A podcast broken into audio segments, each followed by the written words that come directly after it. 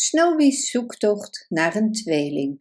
Er woonde eens in een land bedekt met sneeuw een sneeuwvlok, genaamd Snowy. Snowy was een zeer nieuwsgierige sneeuwvlok en ze hield ervan om het besneeuwde land om haar heen te verkennen. Maar er was één ding waar Snowy altijd naar op zoek was, en dat was een sneeuwvlok die precies zo was als zij. Snowy dwarrelde van de ene sneeuwvlok naar de andere om hun patronen en vormen te bekijken. Maar hoe hard ze ook zocht, ze kon geen enkele sneeuwvlok vinden die precies zo was als zij.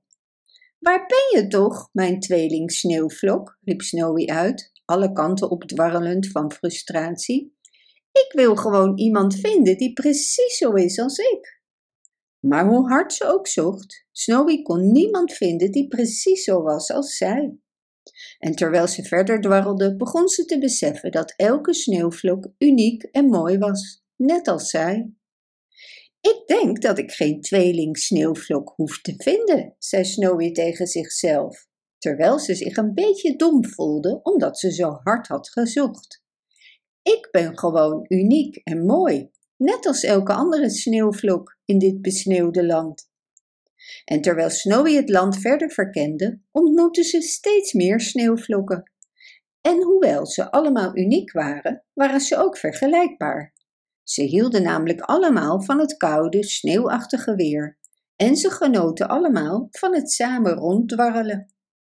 Snowy werd vrienden met alle sneeuwvlokken die ze ontmoette en ze realiseerde zich dat, hoewel ze allemaal verschillend waren, ze ook allemaal deel uitmaakten van een prachtige sneeuwgemeenschap.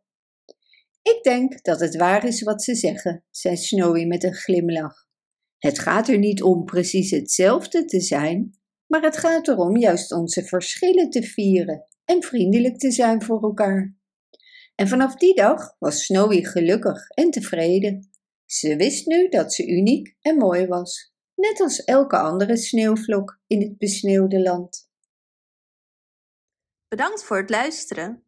Wist je dat je dit verhaal ook op onze website ririro.com/nl kunt lezen, downloaden en printen?